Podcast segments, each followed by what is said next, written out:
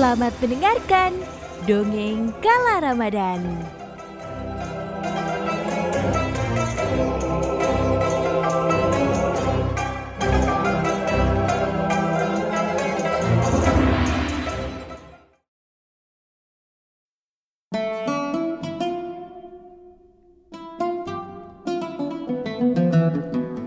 Umar bin Khattab termasuk orang-orang Quraisy yang terhormat dan juga berani.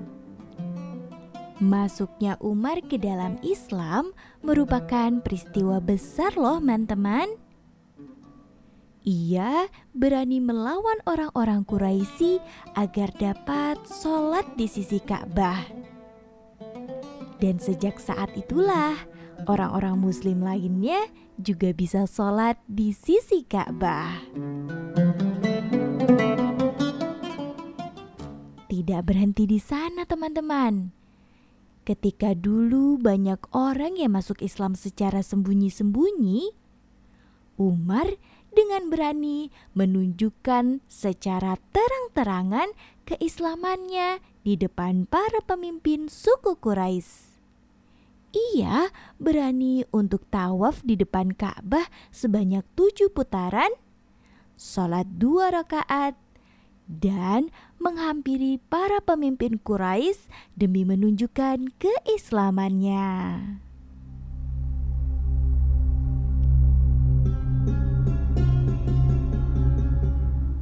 Selain memiliki sifat yang tegas dan berani, Umar juga merupakan sosok pemimpin yang adil dan berhati lembut.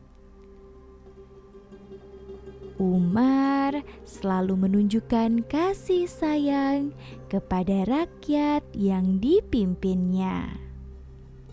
Umar akan memastikan bahwa rakyatnya tidak kekurangan ataupun kelaparan.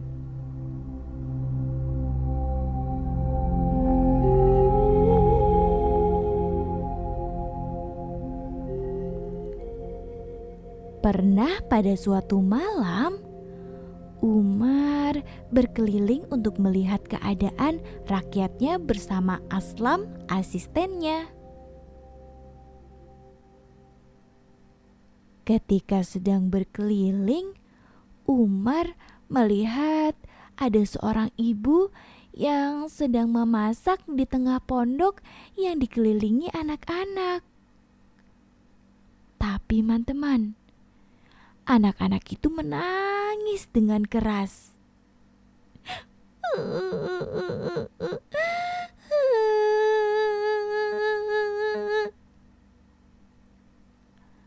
Mengetahui kejadian itu, Umar pun mendatangi pondok dan mengetuk pintunya. Setelah dibukakan pintu, Umar bertanya, tentang apa penyebab anak-anak itu menangis. Sang ibu pun menjawab, "Anak-anak saya menangis karena kelaparan. Sejak tadi, saya hanya memasak air dan batu. Mereka mengharapkan masakan ini matang." Sejak tiga hari belakangan, kami tidak dapat makan karena semua bahan makanan yang ada di rumah ini telah habis. Ungkap sang ibu. Sang ibu memasak air dan batu. Ternyata dengan harapan anak-anaknya yang menangis lama-kelamaan akan lelah untuk menunggu masakan yang tak kunjung matang. Dan karena lelah itu, anak-anak akan tertidur. Setelah mendengar jawaban dari sang ibu, Umar kemudian segera ke gudang dan mengambil bahan makanan yang diperlukan oleh ibu dan anak-anaknya. Umar sang khalifah membawa sendiri bahan makanan tersebut tanpa bantuan Aslan, sang asisten, hingga sampai ke tangan sang ibu. tidak berhenti di sana, teman-teman. Umar juga membantu sang ibu untuk memasak makanan sampai jadi. Ia memastikan sampai akhirnya ibu dan anak-anak tersebut dapat makan dan tidak kelaparan lagi.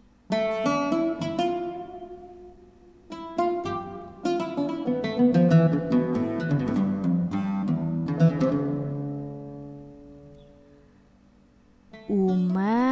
sebagai pemimpin selalu berusaha untuk bertanggung jawab membantu rakyatnya. Umar akan membagikan sendiri kebutuhan rakyatnya yang membutuhkan dan Umar selalu berdoa akan pengampunan dan juga rizki dari Allah.